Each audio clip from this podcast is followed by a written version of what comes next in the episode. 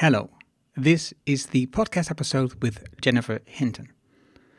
Jennifer is a systems researcher and activist in the field of sustainable economy. Her work focuses on how societies relate to profit and how this relationship affects global sustainability challenges. She developed the relationship to profit theory, which explains how key aspects of business and markets drive social and ecological sustainability outcomes. She started developing this theory in the book How on Earth, which outlines a conceptual model of a not for profit market economy, the not for profit world model. She holds a PhD in sustainability science from Stockholm University and a PhD in economics from the University of Clermont-Auvergne. As an activist, she collaborates with civil society organizations, businesses, and policymakers to transform the economy so that it can work for everyone within the ecological limits of the planet. This was a very interesting conversation. Let's get started. Welkom bij Decide for Impact, de podcast waarin je leert van ondernemers en experts die een positieve, duurzame bijdrage leveren aan mens en omgeving. Met persoonlijke verhalen die je helpen om impactbesluiten te nemen voor jullie bedrijf. Dan nu, jouw business coach, Engel Halling. Hello, and welcome to this new podcast episode. Today I'm talking to Jennifer Hinton. Welcome, Jennifer. Thank you so much, Anna. And I've invited you, that was a while ago. So, but I was reading a lot about um, post growth at the time. I, it's not that I stopped reading about it, but I, I'm reading other topics now as well, more. And you've been writing two books about it. You are doing research on it, although you're calling it differently. And I really wanted to talk to you because I think from a Euro European and also American perspective, you have a lot of ideas about this topic that I'd like to learn more about. So I'm going to have like a completely different question to open. It's always weird. I have to come up with these questions. It just comes up. And but I I looked at your resume on LinkedIn, oh. and you've been studying on the university that you're at now, and also you've been teaching, and now you it's your employer. You Oh, seem yeah. to turn turn back every time to the same university. Yeah, that's just um, a coincidence. I mean, so when I, I did my master's uh, in sustainability science and environmental studies at Lund University, uh, it- which is in a small, beautiful town named Lund in south of Sweden. Um, and that master's program was amazing. It was really life-changing. Um, and then after the master's, uh, sort of didn't want to leave. I was looking for opportunities to stay, and I was um, able to get a summer job teaching on a PhD course there. So that was how those two things are connected. And then, you know, it's just life being funny that brought me back to Lund University now for um, for my current research. So you, you just never know, right? But I, I looked like, oh, that's funny how you return, doing all these things in between, and then you return. It was never planned. It just happened. So, so okay, so you you grew up in the US, and so a very capitalist type of um, world. Yes. You study psychology, Yes. and then at some point, and I'm interested in that point, do you get really interested in like a a, a different kind of economical world uh, where it is like not for profits business? What happened where? Okay, so it's a long story, of course, but in a nutshell, um, yeah, I studied my undergrad in, in Colorado in the US. Um, one really nice thing about the American university system is it's quite flexible. So I started studying psychology and then I moved to communications, and I ended up actually getting my degree in international relations. Um, and for that, they needed you to focus on a certain part of the world. So I focused on China and I spent a few years studying the Chinese language and, and culture and politics and um, economy. And uh, I had, you know, there was at the time, so this was in the early 2000s, um, there was this sort of narrative about China about how the economy was growing at double digit rates, you know, like 10%, 12% per year. And all of this economic growth was lifting people out of poverty and just like this Chinese miracle of economic development and social development that comes along with it. Um, so after I graduated, I got a chance to go to China uh, to teach English. And it, so it was just, you know, I wasn't sure what to do with my life at that point and it was like, oh, I can go be in China for six months teaching English and experience this miracle myself and sort of see how it how it is on the ground. So I went there and I taught English. They put me um, it was an agency placed me in a small village in the countryside, and that was like the a huge shift for me because I hadn't been so um, aware of environmental problems or sustainability issues. But that just put it like front and focus for me because this village um, was I don't want to say dying from pollution, but it was getting smothered by pollution.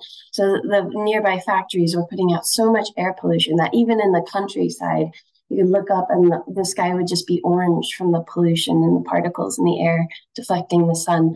Um, the river that had been the lifeline of this village for generations, by the time I got there, it was covered in, you know, 10 centimeters of foam. All the fish were dead, and the farmers still had to use that water to irrigate their crops. So people were using this very polluted water, breathing very polluted air. People were getting sick.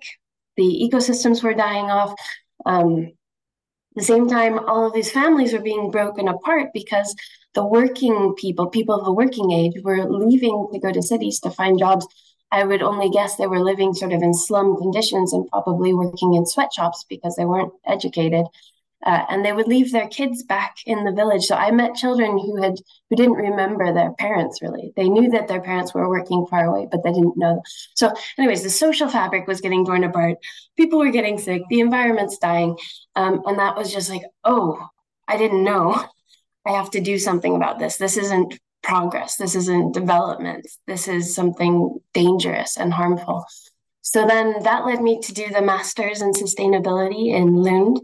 Um, and that taught me systems thinking. So to think about everything as sort of an interconnected system and how the relationships between our environment and our economy, um, you know, drive different outcomes for our health and, all, you know, just seeing everything as interconnected. Um, but I kept bumping into this tension between the environment and the economy. It was like, we know that we need to stop using so many resources, but we have to have economic growth. And so there was always this sort of, um, yeah, tension or contradiction. And when I finished the master's, I ended up moving to Greece. My I met my husband in Lund. He's Greek, and I was living in Athens at the time right when the economy started falling apart in 2010.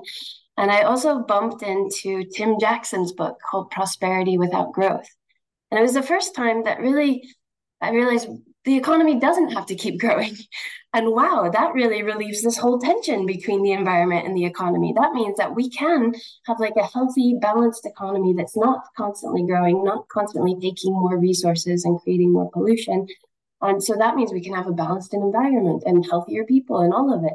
So what do we need? How do we get there? What how does the economy have to change? Um, and that's where uh, a one of I started getting involved with a network of activists and researchers online who were we were just a small group of people who were interested in exploring this question. Um, and one day, one of them came to the meeting and was like, "I've bumped into something that I think changes everything." And it's this uh, form of business called not-for-profit business. It's, it's nonprofits that operate as businesses or businesses that are like uh, legally not for profit, and that means that they don't constantly have to pursue profit for private owners. Instead, they can just focus on making people and planet healthy. And what if we can imagine an entire market economy of these kinds of businesses? That could be a healthy, sustainable post growth economy. So then we started developing these ideas, and the rest is history. I've been working on the not for profit world model um, for the last 10 years or so in different aspects of it. Two things that I think are interesting about what you're sharing now is it feels like, and I was just watching this video of um, the what is this? It's he's the president of the UN, I believe, right? Um, video like he was at. Sorry. Guterres. Yes, and he was at the glaciers, watching at the North Pole, not glaciers, the North Pole, the ice melting, to see for himself. And I think the similarity is with you. And I've sp- spoken to a number of people on the podcast that had this confrontation with reality, I should say, maybe, right? But at the same time, I feel how can we help to change more people without everybody needs to have this confrontation with reality because not everybody can go to China and see what you've seen, or everybody can go to the North Pole to see the melting. And it shouldn't also not be necessary. We should also feel the same urgency and reality uh, by just seeing the stories, what's going on. But somehow we don't, and we need to have like first-hand experience. How do you? That's my first. Um, but how do you feel about that? Yeah, I think it's a tough one because you're you're right. Like a lot of people's wake up moments happen in the real world. Although I also um one thing that gives me hope is that you don't necessarily have to travel very far to bump into the harsh reality of the system. And especially nowadays, because the system is sort of collapsing in on itself in a lot of different ways. Um, so I've met a lot of uh, people with interesting stories like I used to be a financier or I used to work at a, a transnational bank, you know. Um, and then I realized that what we were doing, what we were investing in, was actually harming my children's future. And so I just realized, like, you know, it was sort of an aha moment that they had at their everyday job. Um, and I think also living in the Greek economic crisis and seeing the way that that crisis pushed so many people out of their comfort zones um, made them sort of open and and curious about alternatives like this system is failing us it just became so clear so many people. The system is failing us. What are the alternatives? And so it was fun to be there. I mean it was awful also to see the pain and suffering that happened.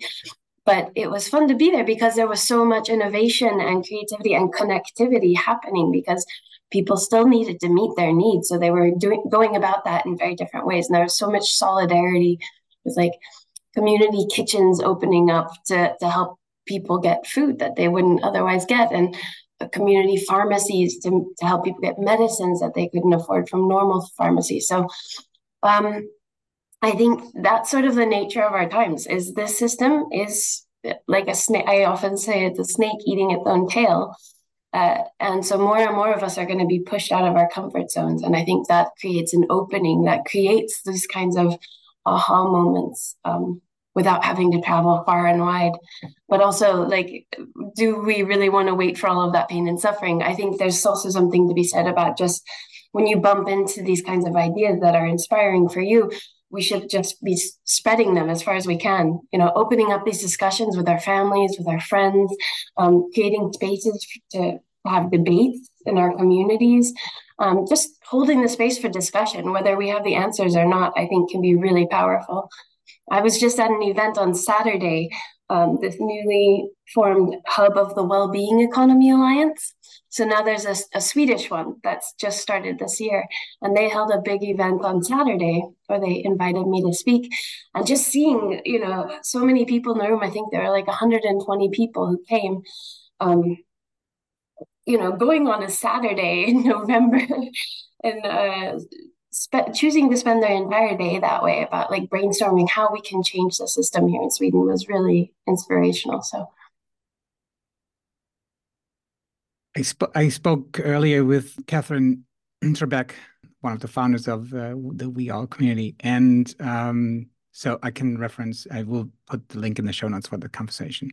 The other thing that I've noticed, and I think you just confirmed it even more to me with what you were just saying, and I see it too when I talk when I meet the people who are in the inner development goals community.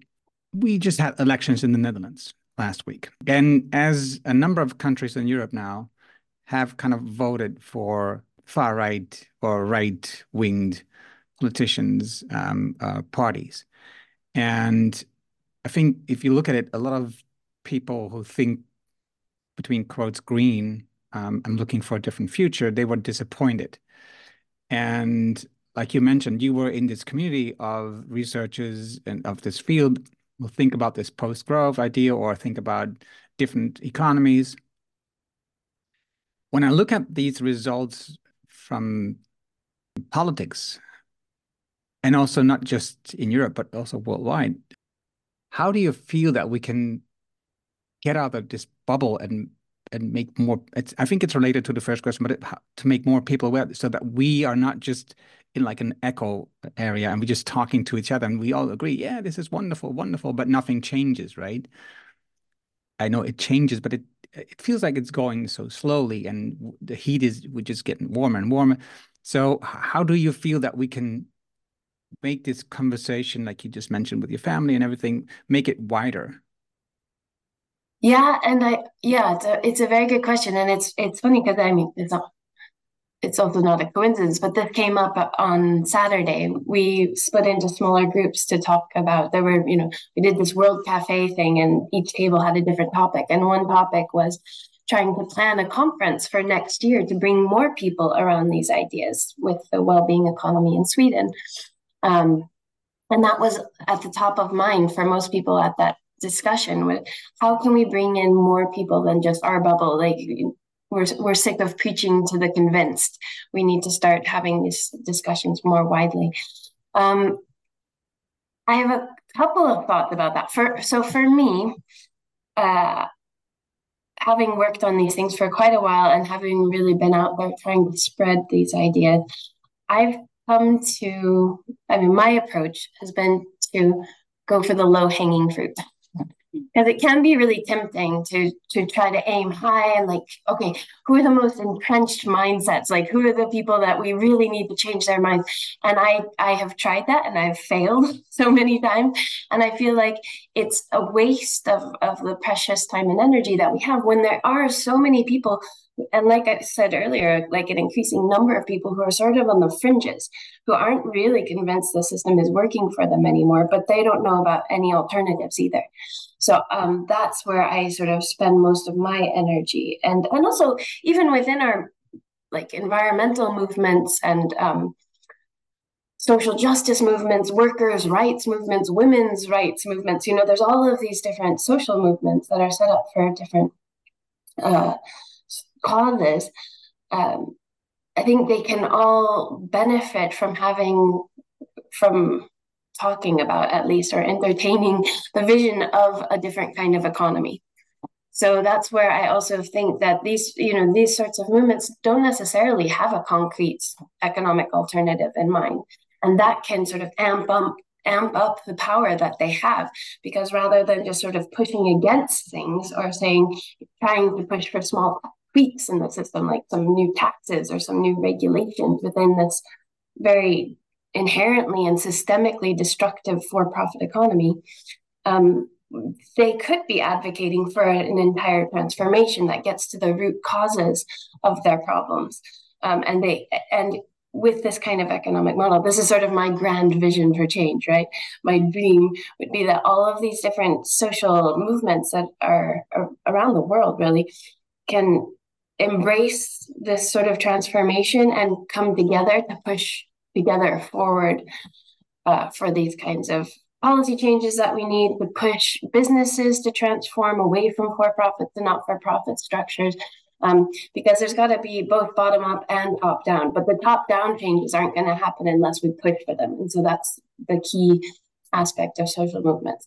So that's where i also think like for me, it's a better investment of my time trying to get this model and these ideas into this existing activist network and to the low hanging fruit rather than go directly for like far right uh, ideologues or, you know, so then we can come together to not just push for change that maybe that sounds too aggressive but to open up the space to entertain these things. Like i think a lot of people are moving to the far right with their votes, not necessarily because they're all like close-minded racists or anything, but there's a concrete set of suggestions there that's being offered.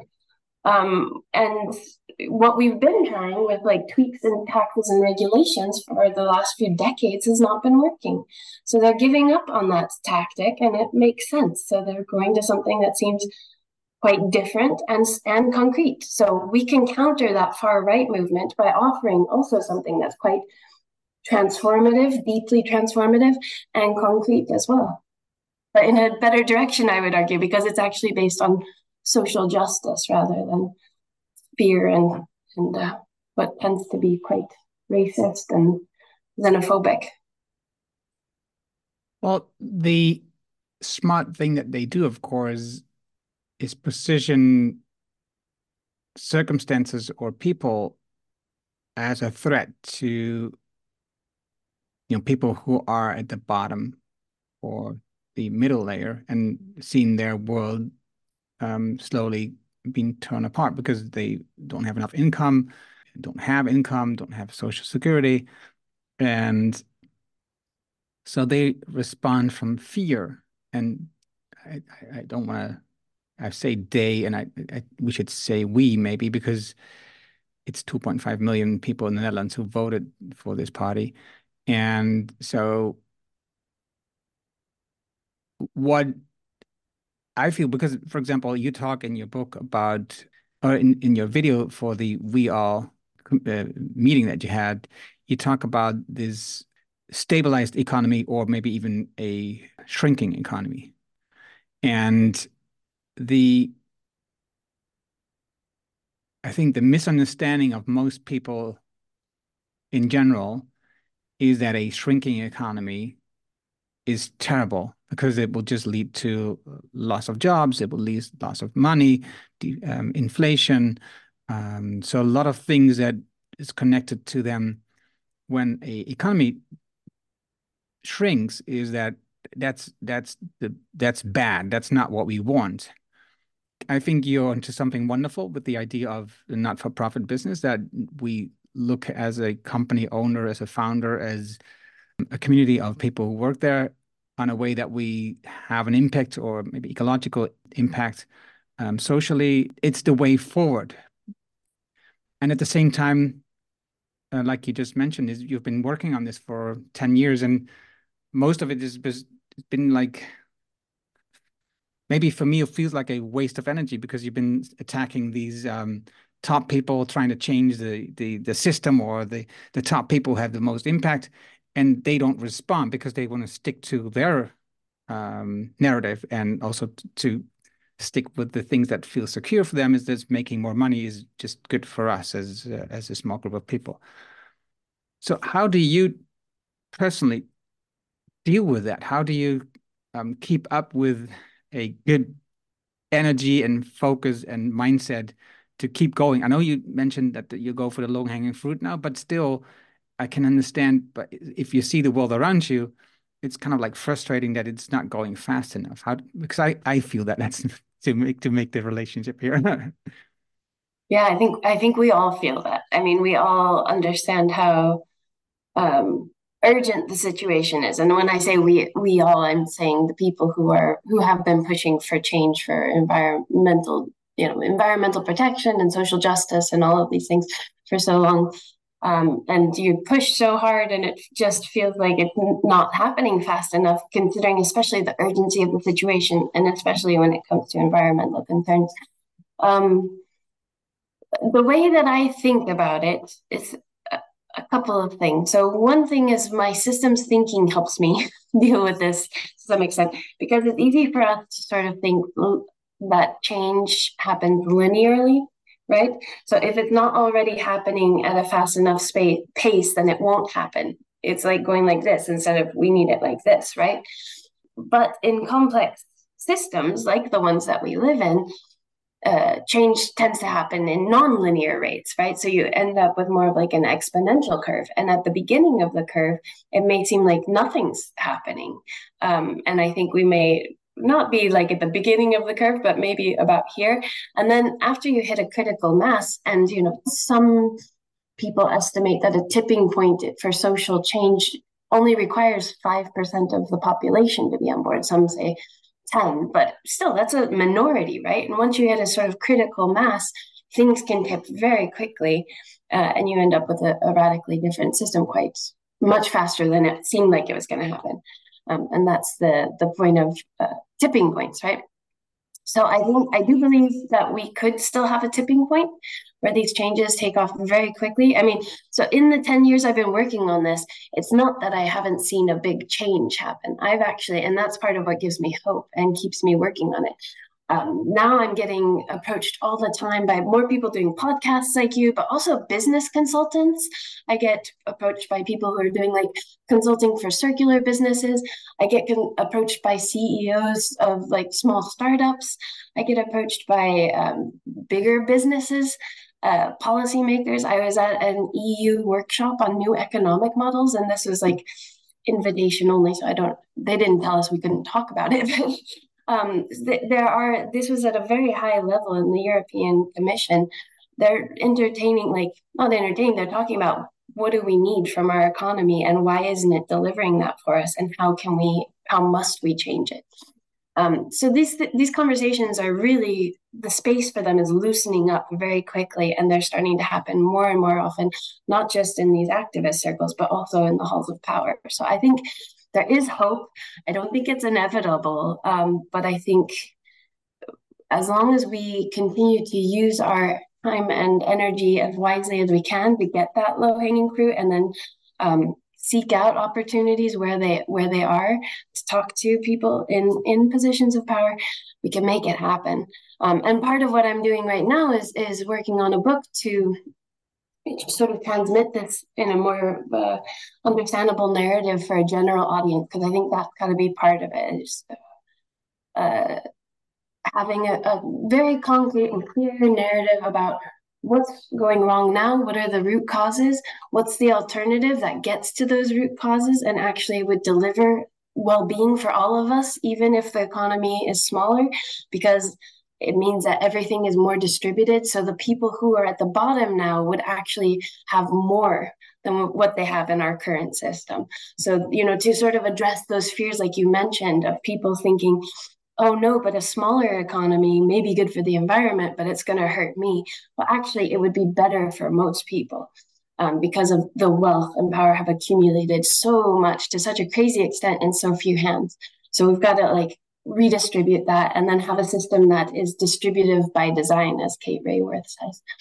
Um, so just like transmitting that in a really clear, understandable way. And then the third part of my book is about transformation. So also offering a little bit of a vision about this might seem impossible to get from here to there, but here's a vision of how that could happen and sort of building on past examples of like the abolition of slavery or women getting the right to vote or the end of apartheid in South Africa.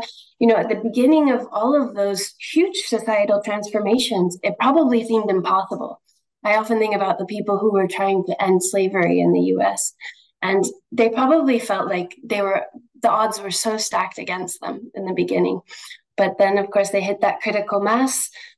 Unfortunately there was a war so it's not the best example. There was not a war though in, in when women got the right to vote so maybe that's an even better example to follow. Um, but once you know it hit a critical mass that yeah this isn't okay slavery is not okay and women are people and they should have a voice in our politics too and these ideas catch on and it just becomes like the new common sense then things can change very quickly so that's also what i'm trying to do is make this the new common sense I, I was watching this short video where they were interviewing German people. What was it? English? I forgot. And they, I think it was German. It was German. So they were not allowed to smoke on the bus anymore, and they were abandoned to the upper floor of buses, and they were up. They were really up. up was it appalled? Uh, what is the name again? What? What's the right English word? appalled like disgusted yeah yeah appalled yeah. it is yeah disgusted um, with the idea that they couldn't smoke anymore. It's just ridiculous. And uh, they are taking our rights away our freedom away right? So and then if you look at it now and go like oh my god it's so different now. I remember the first time i went to the us it was already in all public buildings there was no smoking allowed. So when you came in the airport it was really clean in the office people were smoking outside. And when I came back to Amsterdam after two months, I go like, oh my God, it smells, it stings here because people are smoking still in the airport. And I couldn't understand why it's so different. But now you can see how that changed in just, was it, 20 years or so? It's it's so normal to not smoke in public buildings. Of course, smokers may see it differently, but still, um, I think in general, most people are really happy with this idea that we don't smoke in public or in restaurants or all these places anymore. Um, so yeah, I, I think um, that is it. That's important. So can you say something about your theory or ideas of this not-for-profit business? Because we have like a lot of not-for-profits, I would say, but in general, what what you see is that these not-for-profits often stay very small have difficulty of staying alive because not a lot of money comes in, struggling for um, resources all the time, getting like funds from the governments every year. They have to get funds again. But why is it different when you have like a not-for-profit business? Yeah, good question. Um, I mean, one of the reasons we're seeing a, more and more not-for-profit businesses. And i define just to make it clear like I, I sort of use the language of traditional nonprofits are nonprofit organizations that depend on philanthropy and grants and donations or sort of more passive income you could say uh, to deliver their social benefits. Whereas not-for-profit businesses you could also say nonprofit businesses it's the same generate most or all of their income through the sale of goods and services. And one of the reasons we're seeing the rise of not-for-profit businesses, well, one is that social entrepreneurs, we've got a whole new generation of social entrepreneurs who want to use business to do good in society. So they end up sort of bumping into, ah, we can do this in a not for profit legal framework that then ties our business to a social benefit mission forever. So it can't get taken over by like a venture capitalist from LA or something, you know. So that's one thing. But the other thing is that nonprofits, like you mentioned before, are increasingly moving into the business space because they're so tired of uh, running out of money. And especially we, we see sort of um, a parallel with economic crises in the financial crisis of 2008 2009 2010 those years a lot of nonprofits started moving into business because they their other forms of, of funding dried up. So they sort of had to. It was like um, either start doing business or just fade away.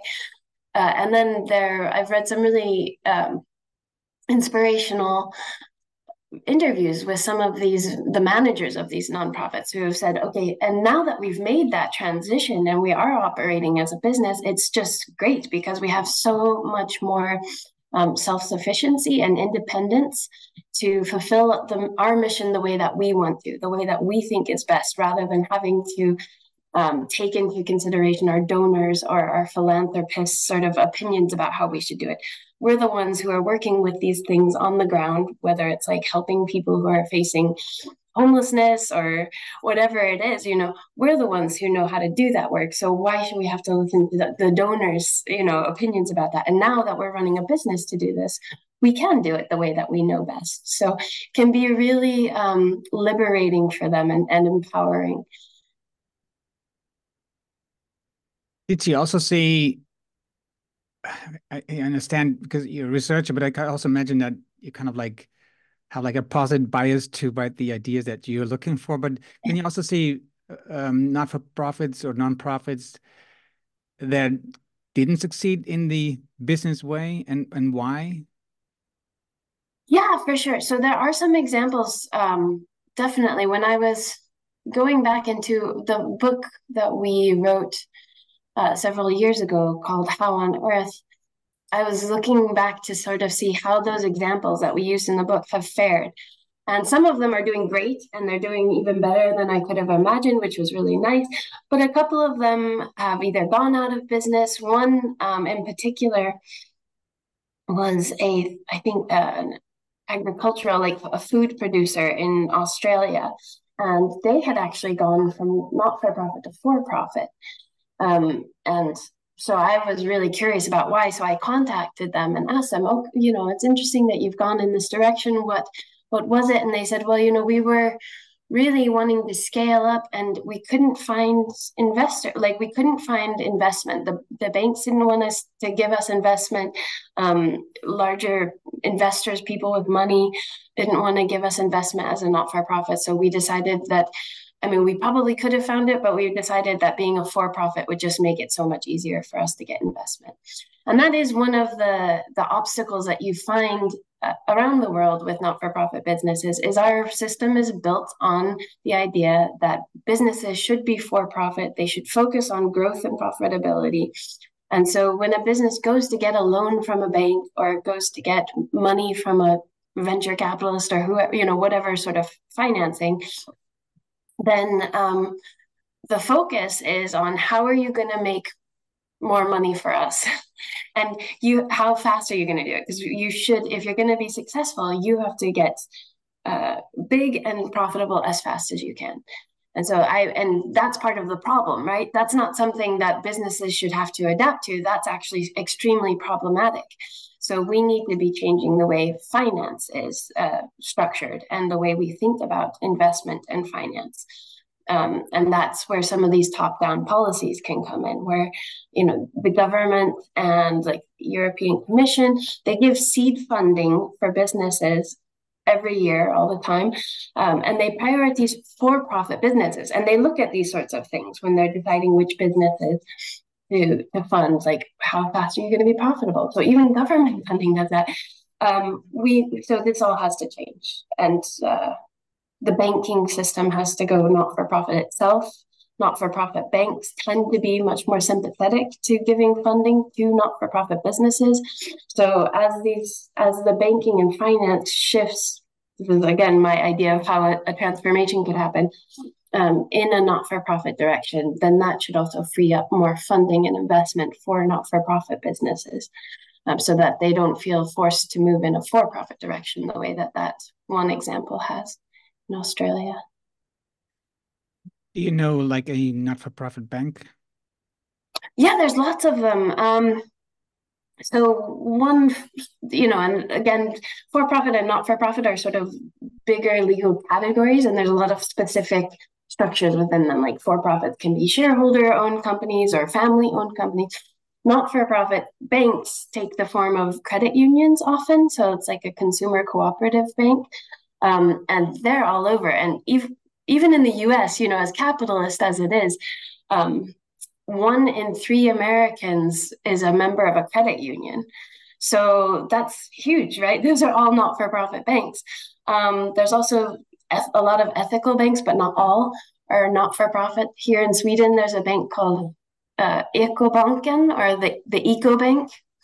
Um, and it's sort of a, a credit union style as well. Um, yeah, they often tend to take the form of credit unions. They're also state banks, like, and that's interesting.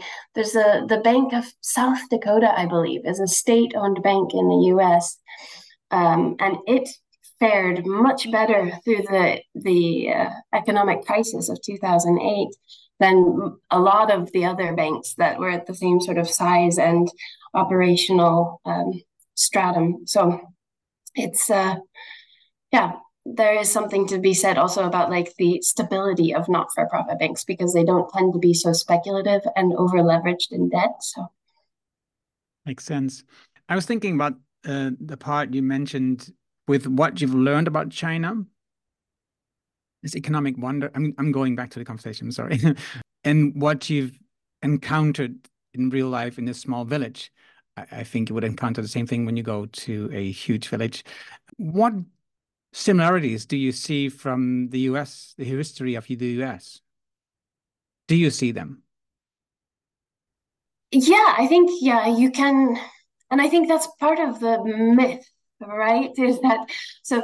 All of these high income countries today, like the US or European countries, have been through this phase that now low income and middle income countries are going through. So we just have to get all of the countries through that phase, and economic growth is the way to do that.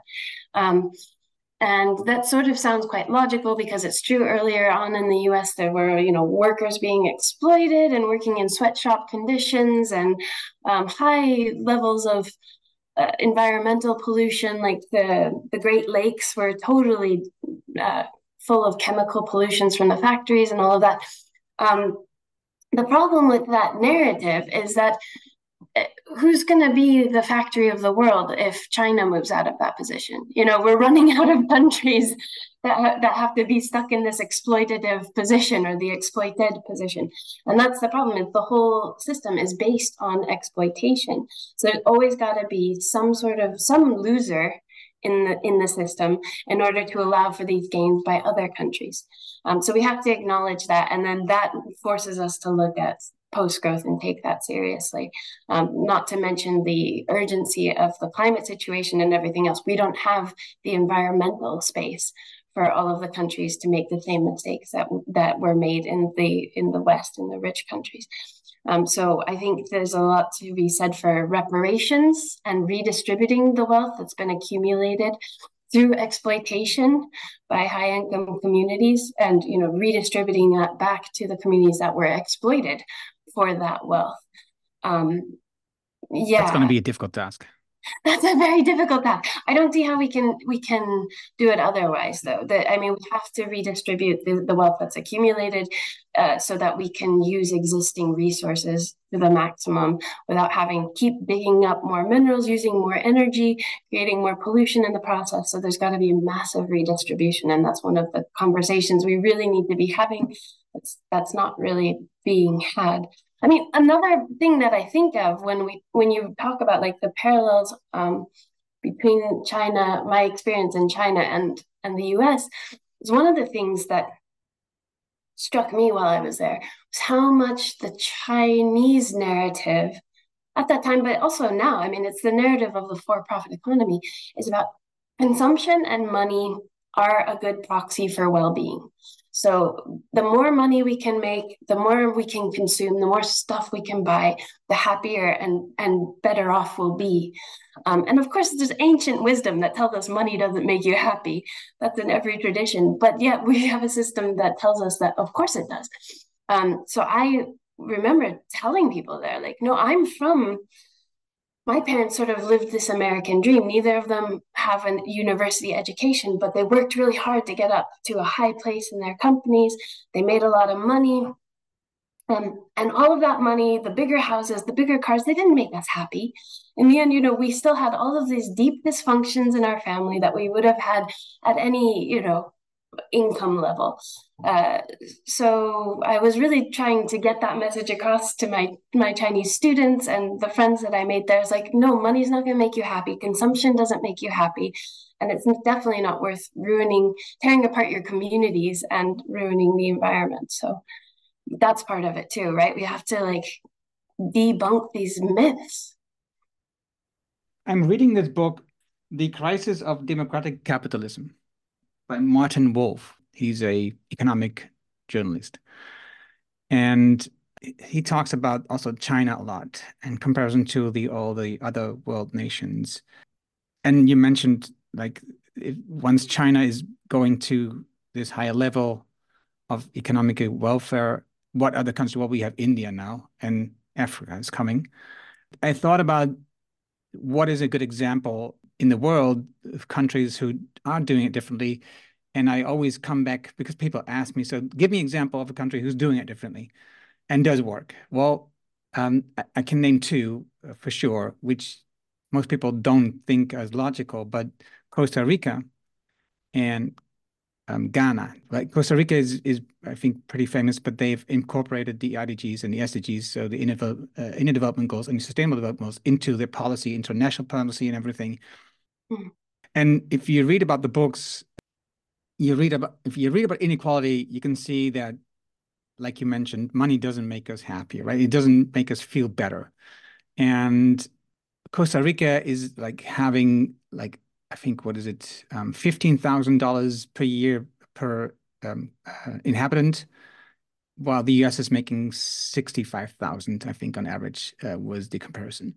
But if you look at the state of the welfare and you look at, for example, education, the educational system in Costa Rica is better. Uh, people come better from school with more knowledge than um, people from the US. And also, if you look at the health system, um, people in the US pay a lot more money for medicine or treatment compared to Costa Rica because there it's, it's taken care of.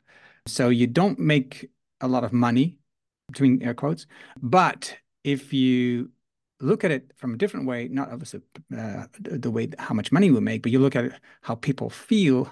There's a lot. There's a higher well-being in Costa Rica, and that's kind of like for most people, like feels like contradictory, right? So, like you just described, it, we we tend to believe companies, organizations, governments has made us like this. I would say fairy tale, but I could maybe say horror story. Uh, tell us that if, if we want to feel well, if we want to become better, if we want to be a better person, we need to make more money. That's the, the thing. You need to work harder, make more money. And the only thing what really happens is that the few wealthy people on top will just get richer. Right yeah. and the, and the, the, supposedly trickle down effect doesn't work that's just no. that's also a myth that's just a that was a good story that they told us when we do better they will grow uh, so right if we in the west are growing harder the people in the southern hemisphere will also just become better yeah. And it's not true. It's not. It's just. It's it's it's a it's a terrible story that we that we believe in today still. Yeah. So there was no question. There was just what I felt, what you were sharing. Yeah, and I mean, it's funny because it makes me think of sometimes um, people I know here in in Europe, different parts of Europe, will get a job offer from the U.S and the salary that they are presented with is usually way more than they would make for the same job here in Europe. And they're sort of just like, that's amazing. The US is still like this place of prosperity. And I like have to remind them, yeah, but you're gonna have to pay for your own health care. You're gonna have to pay for a car because there's no public transportation in most parts of the US. And there's all of these added costs. So the salary is still, and I've had a few friends tell me um, who have gone and sort of done stints in the US and come back to Europe like actually it was so much more expensive there that we think we made less money. Like our salary covered less uh, of our needs in the US than here in Europe where we have access to you know public transport and universal health care and all of these other things. So that's a like like you said with Costa Rica it's a really good example of how money and consumption definitely doesn't just equal well-being. It's about how that money is used. And actually if it's used wisely then it can create enough. And then people flourish when they have enough right? Who wants to spend all of their time working? Like i want to work just enough that i can live a comfortable lifestyle and then have a lot of free time to do all the other things i want to do in life. I don't want to be a slave to my work. So um, and i think that's another thing that that good examples get right is people have time for themselves time to take care of themselves time to take care of loved ones um, and time to sort of just be relaxed be in nature and, and whatnot so.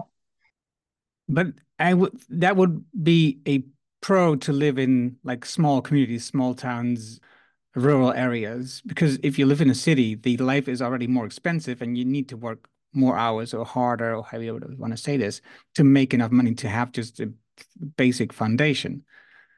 Uh, how do you see that? How do you how do you see that? How would the because now we're just focusing on just getting these big cities bigger and bigger and bigger.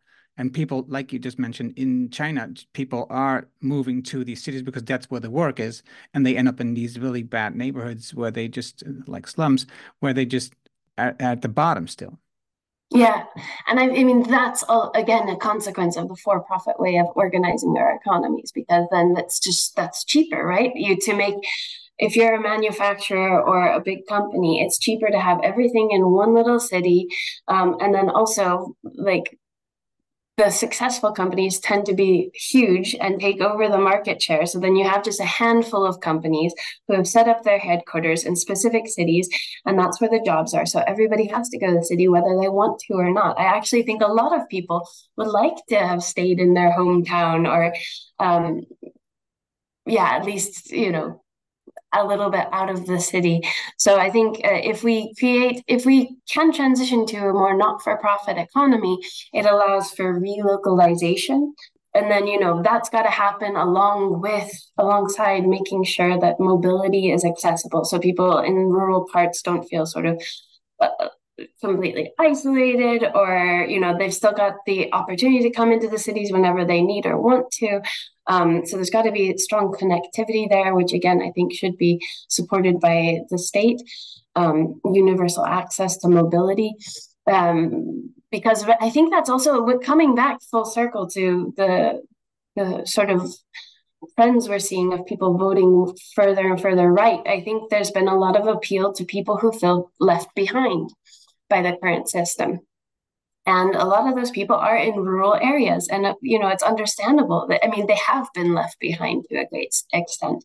So I think having a healthy transformation would involve sort of allowing for the, the flourishing and the rebuilding of these communities that have been hollowed out by the for-profit economy. So relocalizing production and consumption and allowing people to have more time to themselves to do the stuff that makes life worth living. So what we need is a lot more founders and startups where people believe that these this not-for-profit business idea is a valuable idea. It's important for the future. And and at the same time, be in competition with this for-profit market, um, who probably sell their products at a lower price because they do mass production and have sweatshops where people don't and don't have an earnest income, mm-hmm. and also are probably looked at negatively by the current founders, business owners, uh, venture capitalists, people with money because they are weird. They have weird ideas about what should be right and the normal.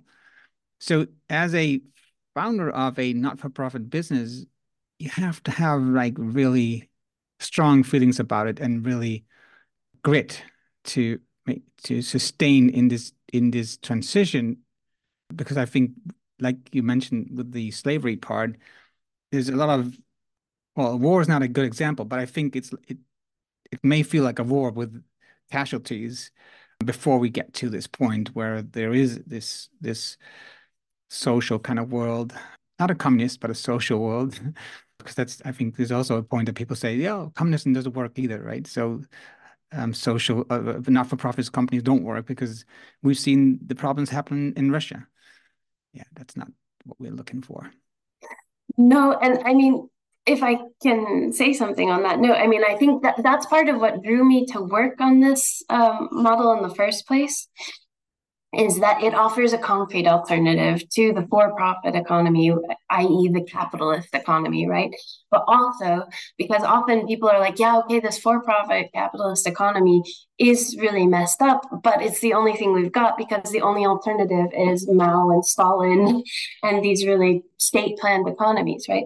But a not for profit market economy is a totally different animal. It offers us a way out of this dichotomy.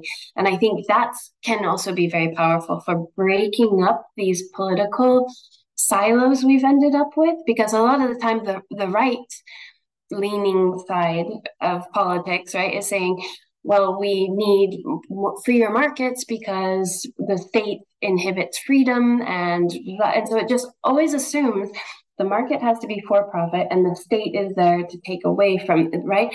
And then on the left side, there's always, well, we need more taxes and regulations to constrain the market, but they're also assuming that the market has to be for profit and capitalist. Um, so, you know, saying, no, but we can have a not for profit market economy just takes us off that spectrum altogether. It takes us into a whole different plane of possibilities, which I find very powerful. It's like, yeah, we can still have a vibrant market, but it has to be about meeting needs. It has to be about social benefit, not about making investors rich. Um, and then when we have that kind of market, the state can become a partner rather than this overriding force that has to constrain and, and interfere and all of the stuff. The market and the not for profit market and the state can work together to make sure that everybody's needs are met um, without destroying the environment and uh, ensuring equality and all the rest of it, social justice. So I think it's this model. That's part of why I'm working on it, is because I find so much hope in it. And also, I think it can break us out of these silos in a way. Interesting. Okay, that's a good point. I didn't I didn't see it that way. Uh, one of my last questions. I, I was interested in because I looked at your research that you were doing before in Stockholm,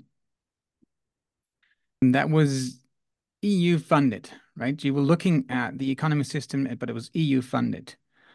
And I kind of went like, huh? Well, the EU, like a organization with for-profit ideas, right? So bigger companies, like you just mentioned, subsidies to companies. Why are, if you have an idea, if not, well, you may give your own uh, ideas, but why do you think the EU is doing these fundings of this research when it's actually in like contradiction of how they work at the moment? Yeah, I think it's interesting because it also comes back to some. Dis- I mean, there's actually, and they've funded even more projects since then. So that project was called Adapt Econ, and it was explicitly about the limits to growth. And when I saw that the European Commission had had funded that uh, limits to growth economy project, I was like, wow, cool, things are changing. Now they've funded like I don't know how many more of those kinds of projects, including a project that even explicitly talked about degrowth. I think a couple of projects explicitly talk about degrowth. Um, I think there there is a, a, growing acknowledgement, even within, like I said before, the halls of power, not only in Europe but around the world, that uh, this system is failing in very systemic ways like in there are deep deep roots uh, of these problems and it's not going to be enough to tweak the system. We really have to change it deeply. So um, they're grappling grappling with this and they're they're having these conversations. They're inviting some of us as experts to come and and add to these conversations about what needs to be done. Um, that doesn't hasn't shown up on the face of things yet, but there are definitely changes, and and there's also pressure from like. Uh, I was part of a conference in Amsterdam, actually. Uh, in I wasn't there in person, unfortunately, in October, called "Transforming Ownership in Times of Overlapping Crises." Um, and it's about how we need to transform ownership in the economy. And we're coming up with a white paper to deliver to the EU to also feed into the conversations that they're having. Like, here's, uh, and the white paper consists of concrete policy recommendations. What does the EU need to do to ensure that we transform ownership in the economy in ways that will address our crises? Um, so I think it's an interesting space to watch. Who knows, you know, how far these conversations will go or how fast, but I think there's growing acknowledgement. Also, the the conference that happened in May, the, the Beyond Growth in Europe conference. Um, so it's something is shifting. I'm wondering one thing. I, I'd like to have your opinion on this. I'm not sure if it was part of your research or if it wasn't, but I'd like to have your opinion on this. Last week it was am I saying right? No, last Saturday, I think it was the day of suppression of women uh, against women violence. I think it was. So now there's a lot of posts on LinkedIn that I see of how women making are making a difference, and yeah, a lot of talks about a different position for women. How do you feel that women stand on this idea of not-for-profit business and also the change the economic changes that you have with also like the political points of views when you see these countries where they have female leaders. Do you what do you see is the impact of that? Female kind of leadership.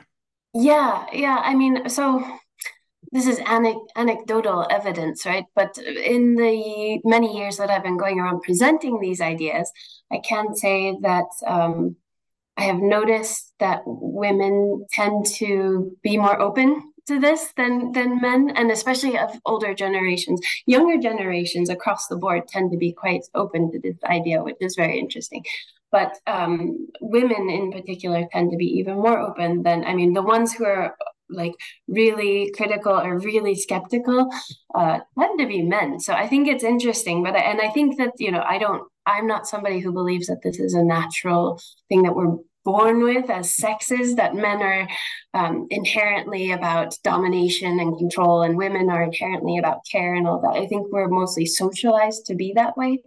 Um, and then that ends up making women more drawn to, to looking for how can I use the different channels available to me to help care for my community and help take care of my family and all of these things. Um, that said, I mean, I have I get a lot of uh, men reaching out to me too, like you, who are very concerned about this and also really tapping into their the caring core that we all have. So um, there's something to be said for how women have been socialized to to think more about how to care, but I think you know it's very easily available to to men as well. Um, and I bump into caring and concerned men all the time, so I don't want to like make it siloed again. Good, nice, nice. I've made it kind of a silo because I, since July this year, 2023, I've um, given like the advantage of women for the podcast. So I try to find every time a woman on a topic, which I think is for me as a male, white male, 55, you have to just put a little bit more effort in it to look for these examples. And that's that's why I asked.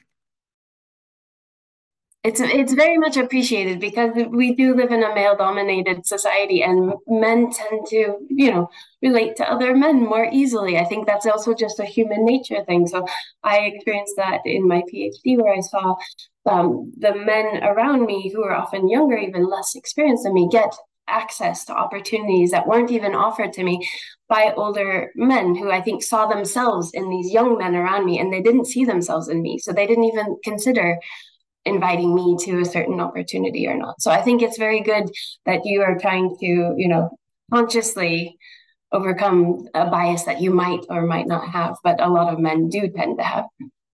Well, I, I was I was referencing to this care part that you just mentioned that probably like 99% of people have, right? This care part and it's it's it's going against the biases that we have with we're looking for similar kind of people right? So i would be looking for white male like 50 plus or something right? So or like you mentioned the goal for the younger man who looks like you eh, when you were younger. Mm-hmm. um, and i think if we look for the care part within us to finalize this this conversation i think it, it's going to make it's going to be like the start the the ignition of this this better world because we care about other people and the world, it we automatically are driven to a new economic system. And I think you have given us a great, and you and your colleagues, a great opportunity, solution, alternative, alternative uh, with this not-for-profit business idea. And yeah, with, with what you just mentioned, with the idea that it is, it's it's not on the right, it's not on the left, it's just a new road. It's a new opportunity. And it, I think it connects with a lot of conversations I had lately. So thank you for that, Jennifer. Yeah, thank you so much, Anna. This has been really nice. Dat was het mooie gesprek met Jennifer. Je vindt de namen en links die we noemden in het artikel dat bij deze aflevering hoort. Ga daarvoor naar de site voor impact.com slash show 424. Mijn naam is Enno Hanning en ik deel mijn opgedane kennis, ervaringen en expertise met jou. Ik coach ondernemers zodat ze besluiten nemen om een impact te groeien. Wil je vanzelf automatisch de volgende aflevering van deze podcast je telefoon ontvangen? Dat kan heel eenvoudig. Heb je een iPhone, dan zit er standaard de Apple Podcast app op. Open deze app, zoek daar de Decide voor Impact Podcast op en klik op abonneer. Heb je een Android-telefoon, installeer dan eerst bijvoorbeeld de Player FM app. Open dan deze app, zoek daar de Decide voor Impact Podcast op en klik op abonneer. Dankjewel hiervoor. Heb je een vraag, opmerking, reactie op deze aflevering met Jennifer of over de podcast in het algemeen? Stuur dan een e-mail naar podcast@decideforimpact.com. Ik hoor super graag van jou. Wil je leren hoe je focus en energie vindt met jouw innerlijk kompas? Hoe verbinding in je team het verschil maakt? Hoe je vertrouwen krijgt in je collega's en hoe je een moedig mens wordt? Download dan het boek Impact Besluiten waarmee je nieuwe medewerkers aantrekt op de site voor impact.com. Dit is mijn nieuwste boek en je downloadt hem daarom helemaal gratis. Je hebt zelfs geen e-mailadres nodig. Vraag jouw boek nu aan op de site voor impact.com. En ik weet, je hebt een volle agenda, je leest het in één avond uit. Dankjewel voor het luisteren en graag tot de volgende. Dankjewel voor het luisteren naar deze aflevering van de Decide for Impact podcast. Ga voor jouw volgende stap naar decideforimpact.com.